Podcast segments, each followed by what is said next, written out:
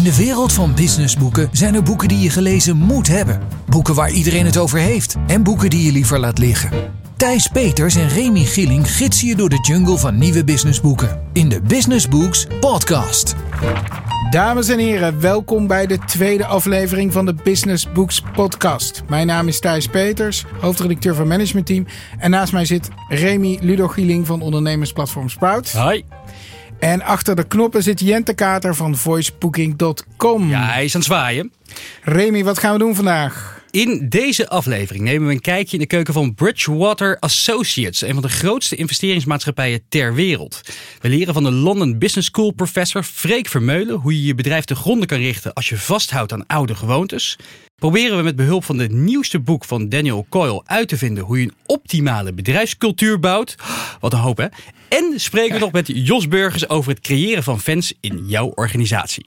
Kijk, dat uh, klinkt veelbelovend. Remy, ik wil even we hebben, dit is de tweede keer dat we hier zitten. En we hebben een aantal reacties gehad van mensen. Viel het mee?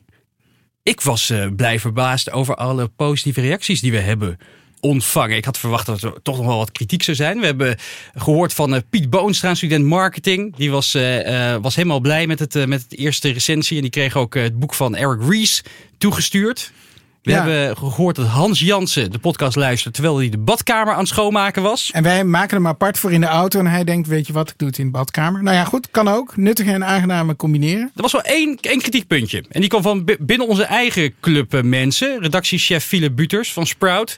Die vond dat we uh, niet Business Books podcast moeten zeggen, maar Business Books podcast. Box. Box. Een beetje op zijn Brits. Wat vind jij? Um, ik zeg wel gewoon boeken. Mag dat nog? Business boeken? Boeken, ja, boeken, mag, boekjes, boeken, boekjes. Ik vind box, box. Box klinkt een beetje... Als je, als je daar niet Brits bent, dan komt het nooit lekker, lekker een je beetje pedant, uit, denk Ja, ik. vind Ja, weet eigenlijk ook wel lekker. Nou, wat vind jij? Laat het ons weten in reactie aan podcast.mt.nl. En even Lia en Femke bedanken, want ja, die, eh, de uitgeverijen weten ons te vinden. We krijgen nog meer boeken dan voorheen. Lia en Femke, bedankt. We gaan naar het eerste boek. Principles van Ray Dalio. Wat zeggen de recensies over dit boek? Ray Dalio has provided me with valuable guidance and insights that are now available to you in Principles. Geschreven door Bill Gates. Zo zo. En Tony Robbins, de bekende hè, nou ja, guru, niet-guru in Amerika, zegt: I found it to be truly extraordinary. Every page is full of so many principles of the, uh, distinctions and insights. And I love how Ray incorporates his history and his life in such an elegant way. Ja, ja. Eikelpoetserij van de Miljonairsclub. De Billionaires United. Uh, Remy, jij hebt dit boek gelezen. Uh, nou, laten we eerst voor de luisteraars uitleggen. Wie is Ray Dalio eigenlijk? Ja, Ray Dalio is een van de meest succesvolle investeerders ter wereld. Heel veel mensen kennen natuurlijk Warren Buffett. Maar Ray Dalio is oprichter van Bridgewater Associates. En dat is eigenlijk het grootste hedge fund ter wereld. Ze hebben 170 miljard onder hun beheer. En ze investeren dus wereldwijd in allerlei, uh, in allerlei markten. Nou, nou, nou zijn er meer uh, mensen die op Wall Street onbeschoft rijk worden. Dus op zich is dat niet zo uitzonderlijk. Wat, wat maakt deze man eigenlijk speciaal? Wat Ray Dalio eigenlijk al uh, sinds de jaren 70 is gaan doen, is uh, heel erg data-driven ondernemen. Dus hij maakt er eigenlijk geen, geen beslissingen meer op basis van gut feeling. Nee, hij ging echt stap voor stap kijken wat de data zei over zijn beslissingen en over de markten. En uh, dat heeft hij eigenlijk, hij heeft alles in een soort van algoritme, hij heeft destijds alles al in een soort algoritme ge, gegoten. En wat, wat heel succesvol is gebleken. Want hij heeft uh, op een paar keer na, is ook bijna failliet gegaan. Hè? Dat moet je ook een keer meemaken als ondernemer.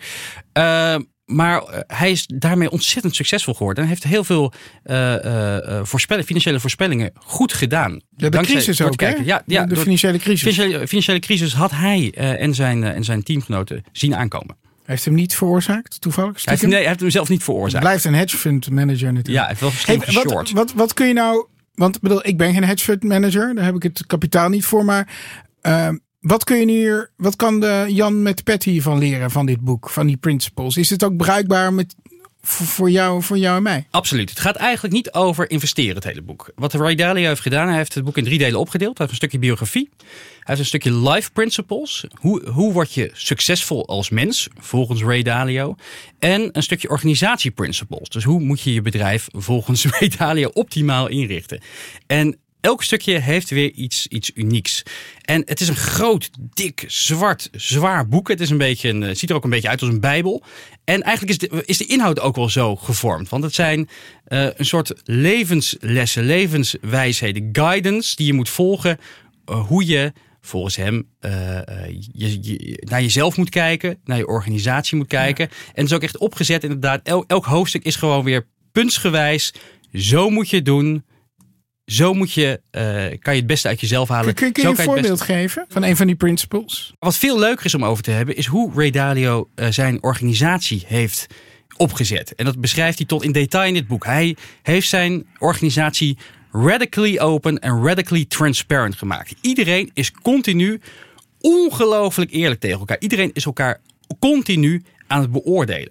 En het leuke is, hij heeft ook een stukje eh, eh, daarvan genoemd, wat hij, hoe hij wordt beoordeeld door een van zijn medewerkers.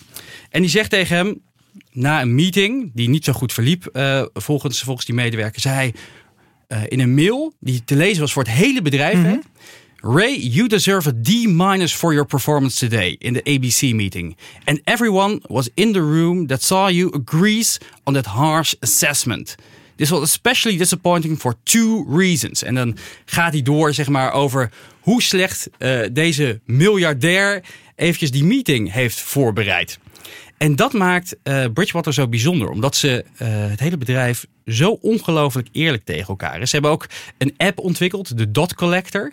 En iedereen die daar werkt, die is continu elkaar aan het beoordelen. Dus dan, dan, eh, we hebben dan een meeting. En ik heb dan een iPadje voor me. En dan zeg jij wat, wat, wat, wat onzinnige Ja. dingen. Dat gebeurt niet vaak hoor, geen zorgen. Maar dan zeg ik Thijs op, op vijf minuten in een meeting. is gewoon vijf minuten over, over zijn eigen persoonlijke shit aan het, aan het, aan, aan het blaten. En doordat je dat niet één keer doet, maar gewoon over het hele jaar continu, krijg je gewoon wel een hele objectieve beoordeling van iedereen over iedereen. Je krijgt wel een hele nare bedrijfssfeer, denk ik. Tenminste, die kans is er wel op. Ja, wat, wat er ook gebeurt is dat een, eh, een derde van alle nieuwe hires, dus alle nieuwe, nieuwe medewerkers, die stopt binnen een jaar. Die zegt van, ik, dit, is, dit is niet voor mij, ik kan hier niet werken. Ik denk dat het, dat het een hele fijne, een fijne plek is voor, eh, voor autisten. Wie, wie, voor wie, wie moet dit lezen? Eigenlijk is het eh, voor iedereen geschikt die eh, zichzelf of zijn organisatie wil verbeteren. Het, is, het geeft een uniek kijkje in het brein van een van de meest succesvolle ondernemers ter wereld. En Of je nou het eens bent met wat hij schrijft of niet. Het is bijzonder om te zien, en het gebeurt niet vaak dat iemand zijn, eh, zijn psyche zo blootgeeft. Ja, is het een boek om te kopen of, om, eh, of is het een cadeau? Je moet het direct kopen. Ja? Ja, ik zou eh, iedereen aanraden om het direct te kopen. En dan gewoon een kwartiertje voordat je naar werk gaat, eventjes een van die principles steeds weer door te nemen. Gaan we door naar het tweede boek. Het tweede boek. Ja, Thijs, je hebt gelezen Daniel Coyle, de bedrijfscultuurcode. Wat zeggen de recensenten erover? Coyle heeft een werkelijk briljant en boeiend boek geschreven dat de mythe ontkracht van geweldige groepen die vanzelf ontstaan. Het maakt alle andere boeken over cultuur overbodig. Van wie is hij? Adam Grant. Adam Grant is gaaf. Veel mensen kennen hem niet, maar ik, ik, ben, ik ben een Adam Grant fan. Ik denk dat hij een van de grootste goeroes gaat worden van het komende Ja. decennium. eh. We horen hem zo meteen verderop in de uitzending nog eventjes terug. Daniel Cole is op zoek gegaan naar wat, wat, wat maakt bepaalde organisaties of teams nou heel erg succesvol. En ehm, dat heeft hij eh, min of meer ontdekt, hoe je dat zou kunnen doen en wat, wat nou het geheim is van die organisaties. Eh, ik begin even aan het begin van het boek. eh, vertelt hij over een proef in, bij MIT, Massachusetts Institute of Technology. Die hebben een Human eh, eh, Behavior Lab, waarin ze menselijk gedrag testen. En dat deed ze op een gegeven moment een, een proef. En daar gaven ze groepjes mensen ongekookte spaghetti slierten, plakband en een, hoe heet zo'n ding? Zo'n snoepje, zo'n... Tik-tak? nee, zo'n, zo'n, zo'n, nou ja, gewoon ding wat je boven de barbecue kan doen. Oh, zo'n marshmallow. Marshmallow, precies. Dat bedoel ik. Nou, en eh, de opdracht was: ga hier een toren van bouwen binnen een beperkte tijd. Nou, dat lieten ze doen door ingenieurs, chirurgen, bedrijfskundestudenten en kleuters. En dan mag jij natuurlijk raden wie kwam er tot de hoogste toren met plakband en. Ja, je, je zou verwachten die ingenieurs, maar ik heb het vermoeden dat dat niet het geval is. Nee, dat, eh, je, je, je raadt het natuurlijk al, dat waren de kleuters. Eh, wie waren het slechtst? Dat is ook nog wel leuk om te weten. De ingenieurs? Nee, de bedrijfskundestudenten. Hè, dus dan zie je ook meteen waarom het zo'n zooi in veel bedrijven is. Nee, dat is een beetje flauw. Maar hij, ze hebben daar echt onderzocht van waarom komt het nou dat die kleuters beter waren. Nou, ik zal eerst vertellen waarom zijn die bedrijfskundestudenten zo slecht in dit. Die gaan namelijk eerst rationeel nadenken, denken ze zelf. Eh, Maar waar ze eigenlijk mee bezig zijn, in plaats van eh, rationeel plan te bedenken, is de positie in de groep te bepalen. En wat je ziet bij die bedrijfskunde, die denken van, oh, eigenlijk zou ik dit moeten zeggen, maar dat is misschien een beetje een stomme opmerking, dus dat durf ik niet, dus dat zeg ik niet. Kleuters hebben geen last van, die beginnen, die pakken alles, die beginnen een beetje met experimenteren. Maar wat ze nou hebben gezien in dat lab, is dat die kleuters, die maken veel meer onderling contact. Die kijken elkaar aan, die raken elkaar aan, die geven elkaar ongenadig feedback. Van hier, hier met, die, eh, met, met het plakband heb ik nodig. Radically open. Precies. En ja, zij kwamen tot een toren van 66 centimeter, de bedrijfskunde tot 25 centimeter. Wat een verschil. Ja, en die chirurgen waren bijvoorbeeld iets beter, want die zijn wat beter in intuïtief handelen. Dat hebben ze gelukkig geleerd. Maar wat kunnen we hier hoe nou- rationeler het doet, hoe slechter het is. Wat kunnen we hier nou van leren voor onze eigen bedrijven? Nou, dat je dus eigenlijk dat je moet zorgen dat teams zoveel mogelijk interactie hebben.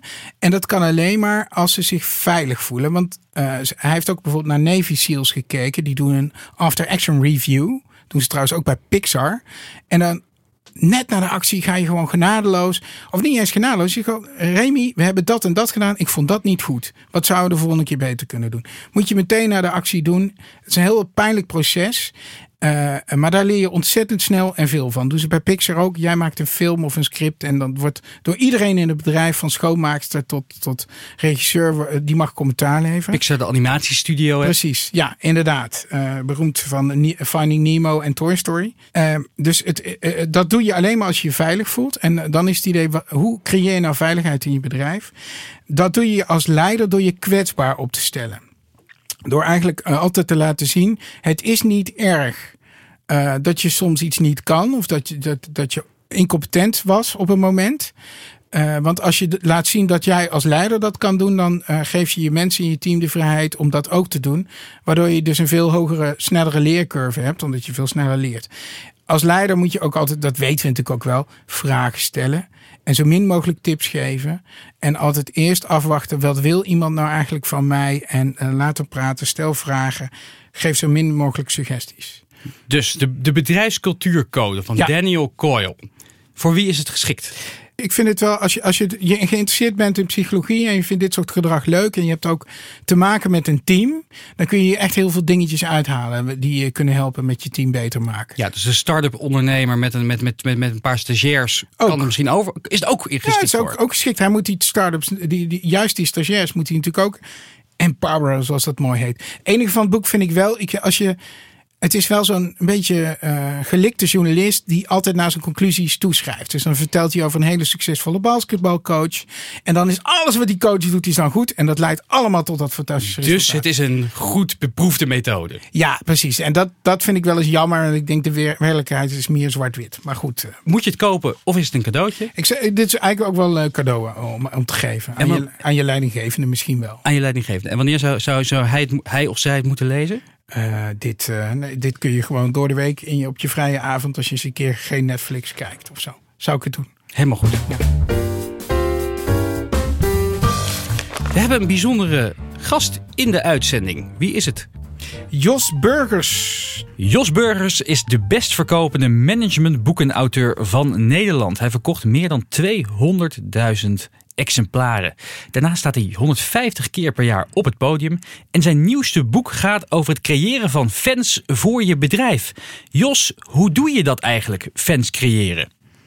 Uh, hoe doe je dat, fans creëren? Dat is een hele goede vraag. Misschien mag ik even een hele korte correctie. Het zijn inmiddels meer dan 300.000 boeken. Maar dat is een detail. boeken. Ja, ja maar uh, ja, hoe Noem het een detail.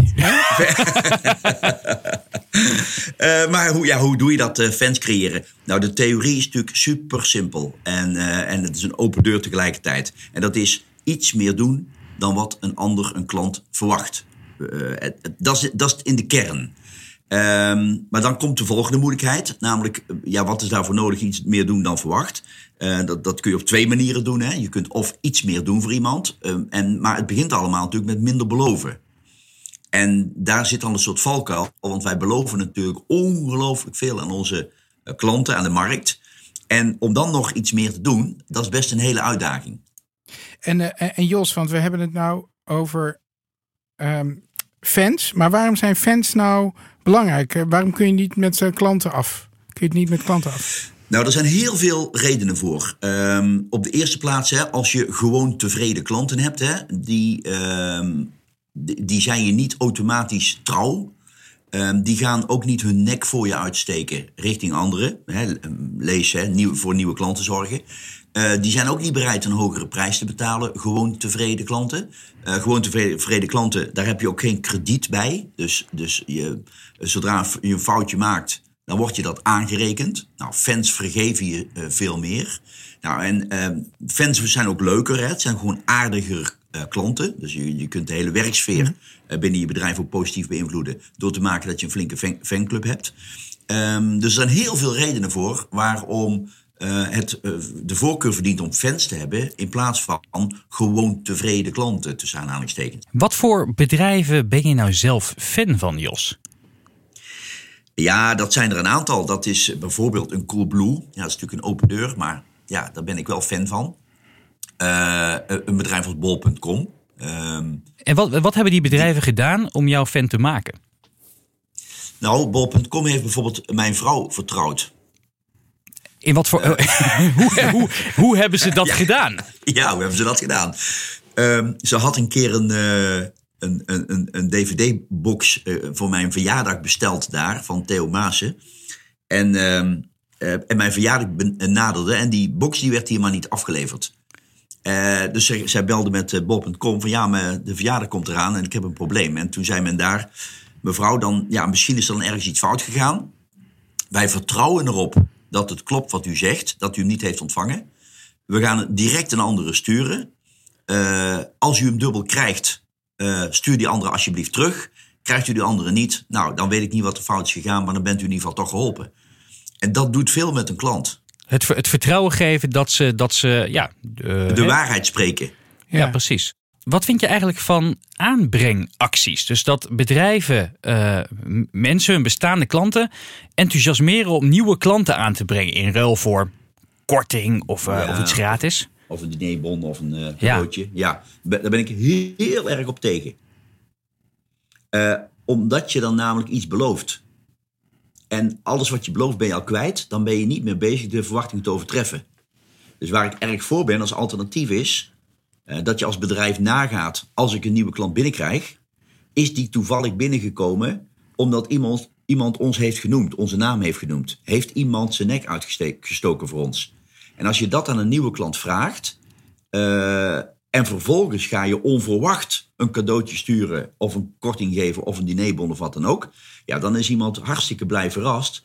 Uh, dat jij zomaar de moeite hebt gedaan om te achterhalen dat hij of zij ambassadeur is en dat je dat ook nog eens een keertje beloont. Uh, dus ik ben heel erg tegen het van tevoren in het vooruitzicht stellen. Tegelijkertijd roepen heel veel bedrijven dat referral marketing uh, ontzettend effectief werkt. Zeker Absoluut. voor, SaaS-producten. Ja. Dus het kan wel effectief zijn, maar het is niet geschikt om fans mee te creëren.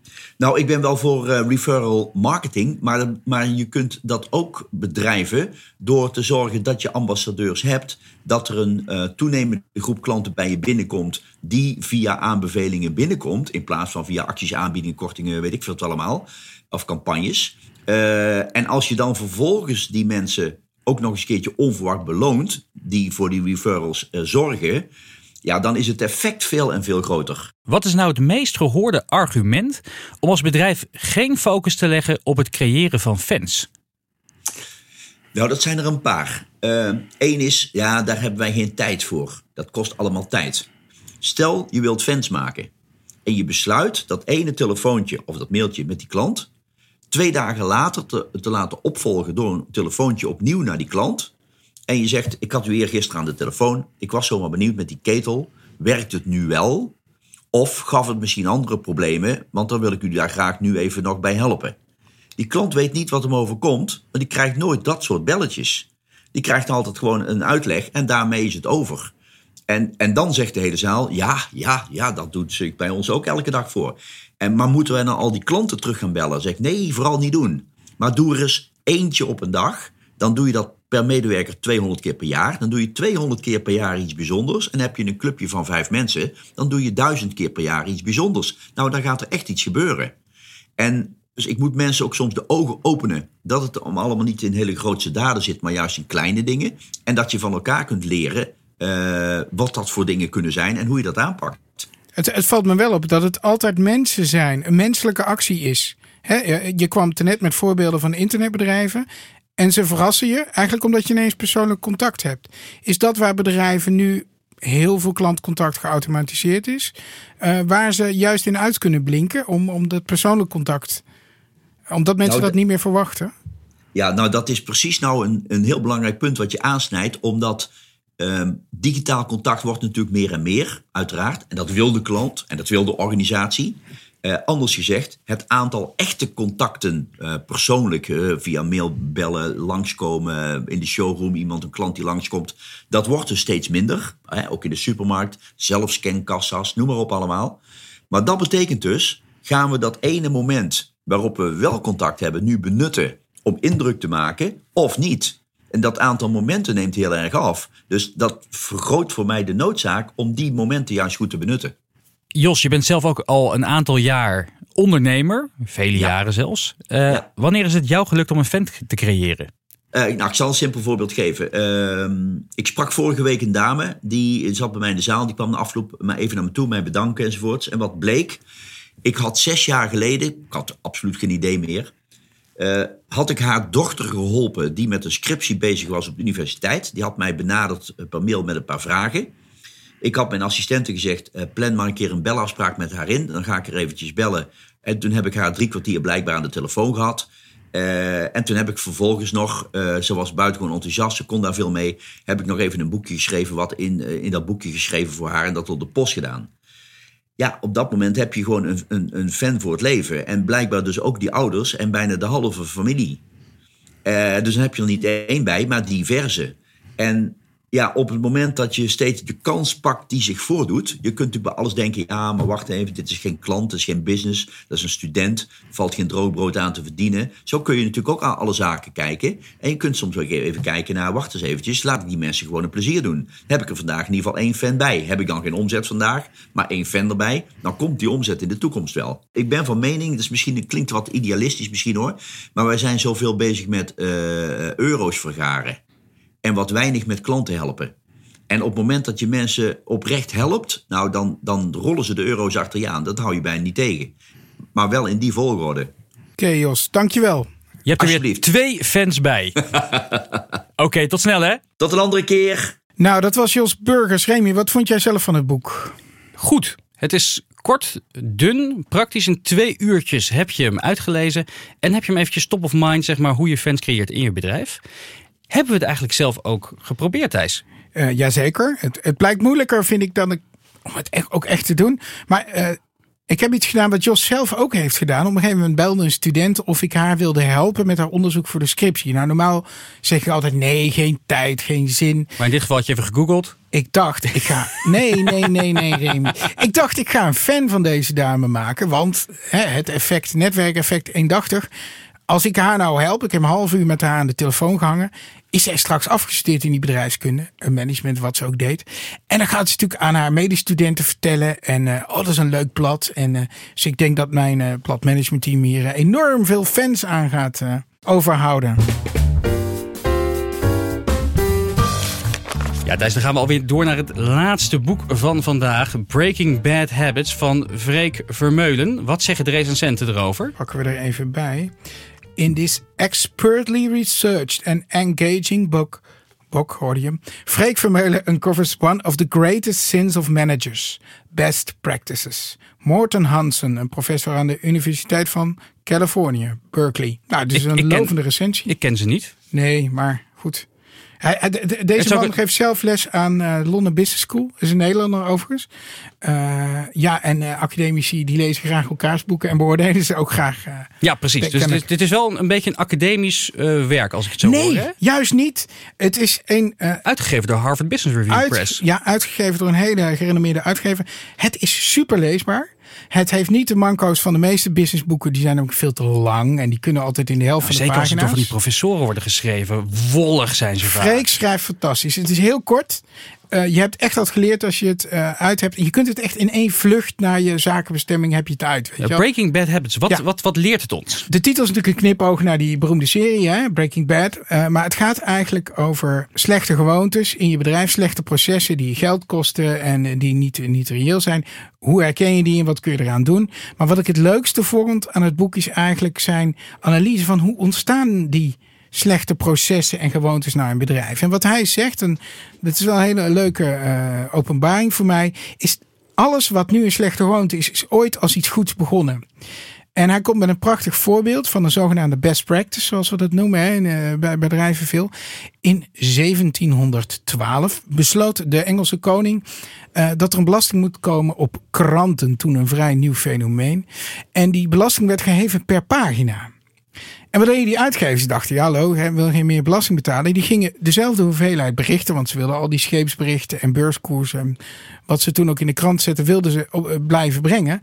Zijn ze gewoon hele grote vellen papier gaan gebruiken. Spreken we 2004, die, die, die belasting is al een paar eeuwen afgeschaft, maar nog steeds zijn alle kwaliteitskranten op broadsheet. Uh, gedrukt. Misschien weet je het nog wel, als je in de jaren negentig een krant las in, uh, in de trein, dan zat je in een soort papieren tent. Alleen de tabloids, de, de, de roddelblaadjes in Engeland, die waren op een kleiner formaat. En als je dan aan mensen in de uitgeverij vroeg van, ja, waarom doen jullie dat? Ja, dat wil de klant zo. En zo doen we dat nu eenmaal altijd. En anders lijken we wel een tabloid. Tot de Independent bijna omviel. Die uitgever dacht, ik ga het gewoon proberen. Groot succes. Er bleek geen enkele lezer te hechten aan het broadsheet. En binnen ongeveer uh, tien jaar is er geen enkele krant meer die op groot papier wordt afgedrukt. Uh, Ook wel grappig, want je denkt van ja, dit is zo stom zijn we niet bij ons bedrijf, bij onze organisatie. Maar dit soort rare processen, dat komt dus heel vaak tegen. Ik, ik, sprak een huisarts. Huisartsen, een consult van een patiënt doet 10 minuten. En vroeger was het ook genoeg, maar tegenwoordig moet er een dossier ingevuld en er moet gecontroleerd. En door administratieve taken is die 10 minuten niet genoeg. Maar huisartsen hebben nou eenmaal de gewoonte: een consult duurt 10 minuten. Uh, en deze huisarts die was het naar 15 minuten gaan brengen. Want dan kon ze alles in één keer kon ze afronden. En dat was veel efficiënter. Het was niet toevallig je eigen vrouw, hè? Dat was wel mijn eigen vrouw. en, maar daar ben ik wel een beetje trots op. Want dat was een hele goede, hele goede maatregel. Want op die manier uh, maak je ook ruimte in je hersenen. Want wat gebeurde als je 10 minuten spreekuur hebt? Dan ga je dus 10 minuten zo'n spreekuur doen. Uh, dan moet je in je achterhoofd bedenken: oh, ik moet dit en dit en dit straks nog in de co computer invoeren. Dat moet je dan van vijf patiënten onthouden. En ondertussen moet je met die patiënt praten. Dat, dat, dat gaat steeds slechter. Als je het in 15 minuten doet, kun je het gewoon afronden. En dat is ook zo'n proces. Iedereen doet iets gewoon omdat ze het altijd zo gedaan hebben. Denk even. Blij, ga af en toe een beetje experimenteren. Ga dingen veranderen. En dan ontdek je vanzelf welke zogenaamde best practices. Um, eigenlijk niet deugen en uh, dat je die onder de loep moet nemen. Voor wie is het boek geschikt? Niet voor start-ups, want die doen dat als het goed is. Hè. Dan doen, doen ze, dit, dit al, hè? continu conventies doorbreken? Ze hebben geen conventies. Maar als je in een iets grotere organisatie werkt, dan barst het van dit soort processen. En vaak uh, denk je niet bij na, want ze zijn ISO gecertificeerd prima proces. Maar dat, daar zitten ook van die versteende dingen in die schadelijk zijn voor je bedrijf. Dus ik zou zeggen, dit is voor iedereen die in een grote organisatie uh, werkt en uh, is, uh, goed kan kijken naar van klopt het wel wat we doen en doen we het wel op de goede manier. Moet je het zelf kopen of cadeau geven? ik, ik zou het zelf kopen. Als je dit cadeau geeft, is ook zo'n signaal hè, van je hebt veel slechte gewoontes. Zou ik niet doen. Koop het zelf. Het is zo'n boekje wat je in de, bij de, bij de, op het station in de winkel koopt of het vliegveld. En dan lees je het ook meteen uit. Klaar. Hartstikke mooi. Heb je weer wat geleerd.